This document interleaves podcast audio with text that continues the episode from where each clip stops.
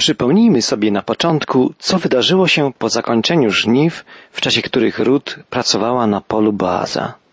Jak pamiętamy, Boaz zwrócił podczas żniw uwagę na pracowitą, skromną i pokorną Rut i okazał jej życzliwość i przychylność. Rut mogła nie tylko zbierać kłosy z pola Boaza, ale także gasić pragnienie wodą z dzbanów przyniesionych przez jego pachołków i spożywać posiłki przygotowane dla żniwiarzy. Były to wyjątkowe przywileje. Nie przysługiwały one normalnie biednym, którzy korzystali z prawa zbierania za żniwiarzami pozostających na polu kłosów. Boaz polecił nawet sługom, żeby umyślnie upuszczali kłosy, tak żeby Rut mogła nazbierać ich więcej. Noemi, teściowa Rut, dostrzegła przychylność Boaza względem swojej synowej i odczytała całą tę sytuację jako Boże zrządzenie. Boaz był bowiem krewnym Elimelecha, zmarłego męża Noemi i jako bliski krewny był jednym z tych, którzy mogli i nawet powinni zaopiekować się osamotnionymi i bezdzietnymi wdowami. Noemi i jej synową Rut. W Izraelu obowiązywało bowiem tak zwane prawo lewiratu, czyli wykupu. Gdy jakiś mężczyzna umierał, pozostawiając bezdzietną wdowę, jego najbliższy krewny był zobowiązany, by tę wdowę poślubić, a potomstwo zrodzone z tego związku prawnie uznawane było za potomstwo pierwszego zmarłego męża.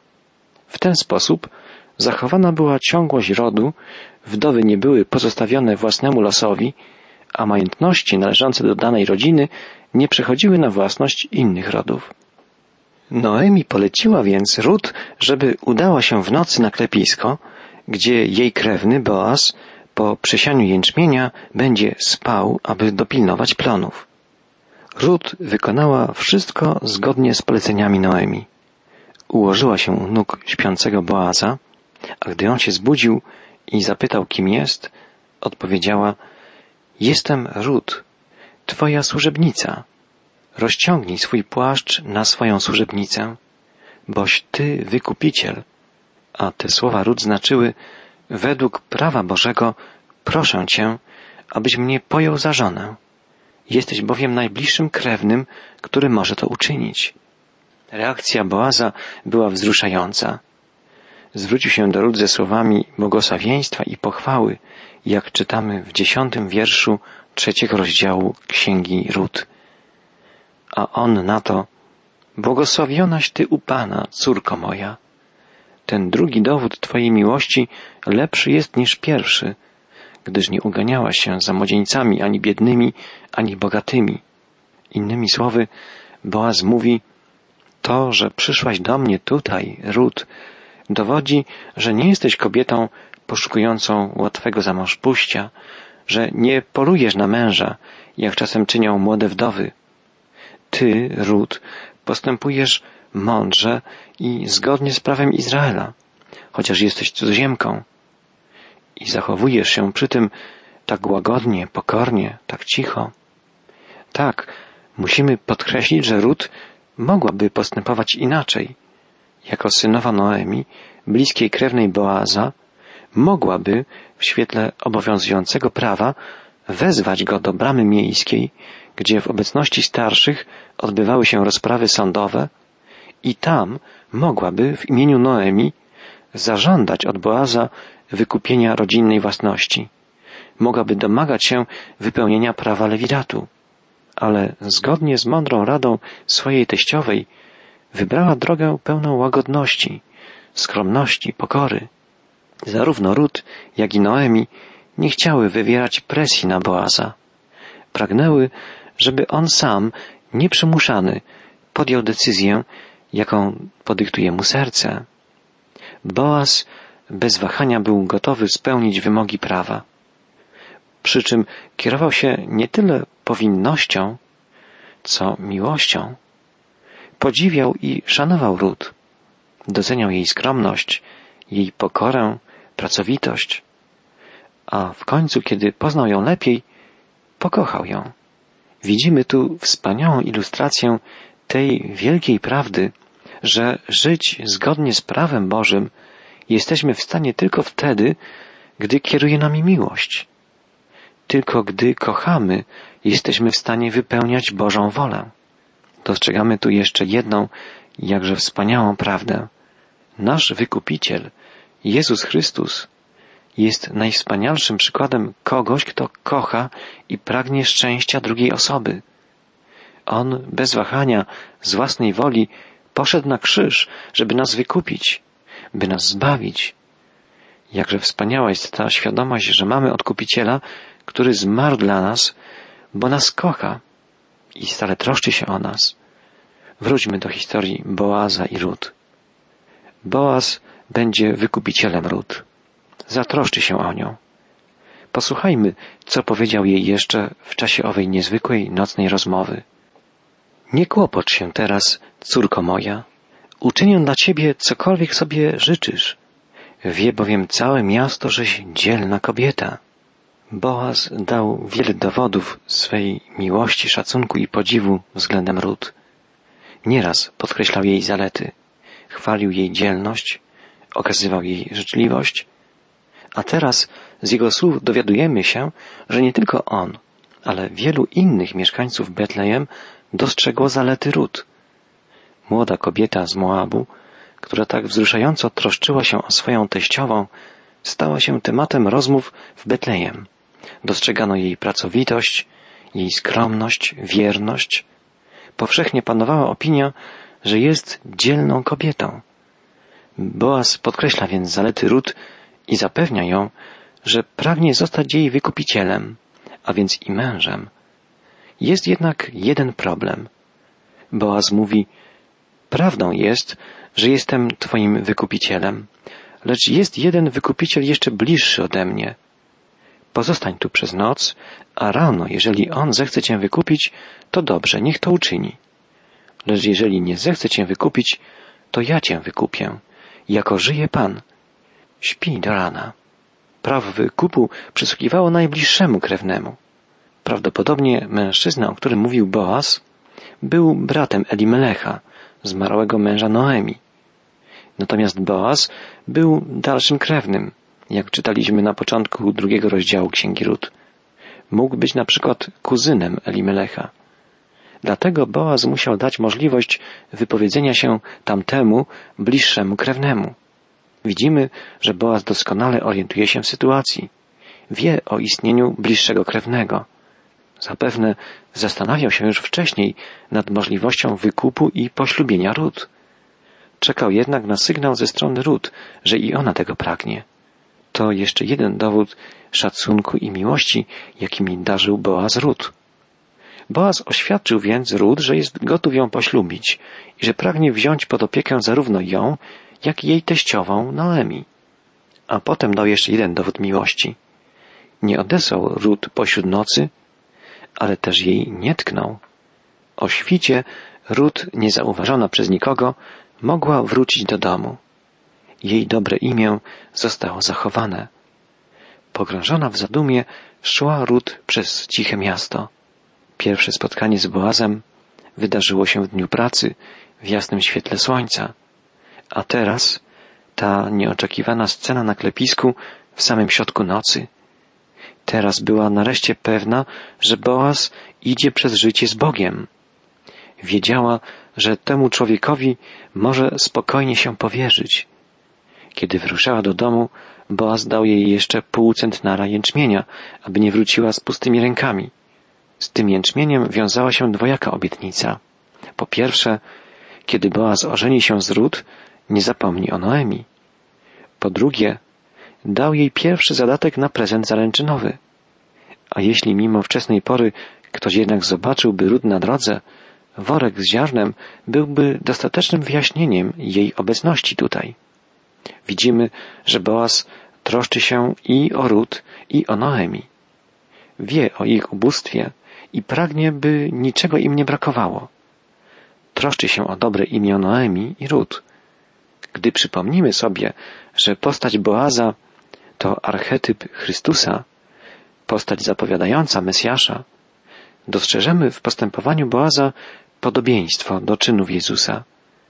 Jezus zawsze troszczył się o dobro ubogich I to nie tylko ubogich w sensie materialnym, ale i o tych, którzy pozornie byli zamożni, ale w istocie byli duchowymi nędzarzami. Jezus zawsze wiedział o najskrytszych pragnieniach i potrzebach ludzi, których napotykał. I jako jedyny był w stanie zaspokoić wszelkie potrzeby człowieka. Tak jest i dzisiaj. Spójrzmy, jak zakończyła się owa niezwykła noc w Betlejem. Czytamy o Rut w końcowych wierszach trzeciego rozdziału. Gdy przyszła do swojej teściowej, ta rzekła, co z tobą, córko moja? I opowiedziała jej wszystko, co dla niej ten mąż uczynił. Powiedziała też, te sześć miar jęczmienia dał mi, bo mówił, nie możesz z pustymi rękoma przyjść do swojej teściowej. A ona rzekła, bądź spokojna, córko moja. Wnet się dowiesz, jak się ta sprawa potoczy, gdyż mąż ten nie zaniecha tej sprawy, dopóki jej nie doprowadzi do końca. I to dziś jeszcze. Noc się skończyła, był już poranek.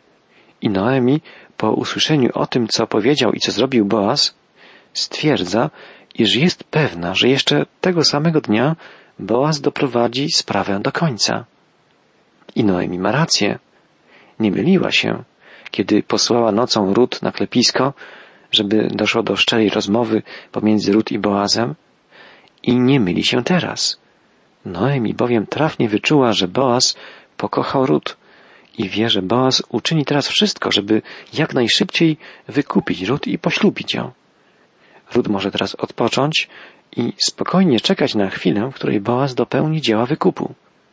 On zatroszczy się już o wszystko. Drogi przyjacielu, to wspaniale mieć odkupiciela, na którym można całkowicie polegać, któremu można całkowicie zaufać. Wspaniale mieć Zbawiciela, który w sposób doskonały, pełny dokonał dzieła odkupienia i dzięki któremu możemy czuć się w pełni bezpiecznie. Możemy odpoczywać w wierze i cieszyć się wspaniałym darem odkupienia, zbawienia, nowego życia. Nasz wykupiciel, Jezus, dokonał dla nas pełnego, całkowitego dzieła odkupienia. Gdy umierał na krzyżu, zawołał wykonało się, a przedtem, gdy na krótko przed Golgotą rozmawiał z Ojcem, powiedział w modlitwie Ojcze, wykonałem dzieło, dla którego mnie posłałeś. Tak, Jezus doprowadził do końca dzieło zbawienia. W sposób cudowny, pełny dokonał naszego zbawienia. Wziął na siebie nasze grzechy. Umarł w nasze miejsce. Zapłatą za grzech jest śmierć, ale darem Bożej łaski jest zbawienie w Jezusie Chrystusie. To jest wspaniała prawda, która daje nam ratunek, daje nam życie, jeśli tylko uchwycimy się wiarą Jezusa, jeśli przyznamy, że zmarł On z powodu naszego grzechu i powierzymy w Jego ręce ster naszego życia. To wszystko to dar Bożej miłości, Bożej łaski. I jedynie na tej podstawie, jedynie przyjmując ten cudowny Boży dar, możemy być przez Boga przygarnięci, zbawieni i uświęceni. Nie możemy dostąpić zbawienia dzięki własnym wysiłkom, dzięki usilnej pracy albo dzięki gorliwemu wypełnianiu religijnych obrzędów. Nie, nic nam nie da przynależność do najlepszego nawet kościoła, czy najbardziej szlachetnej, wierzącej rodziny. Liczy się nasza osobista wiara, nasza ufność względem Jezusa, cudownego, doskonałego wykupiciela, jedynego Zbawiciela.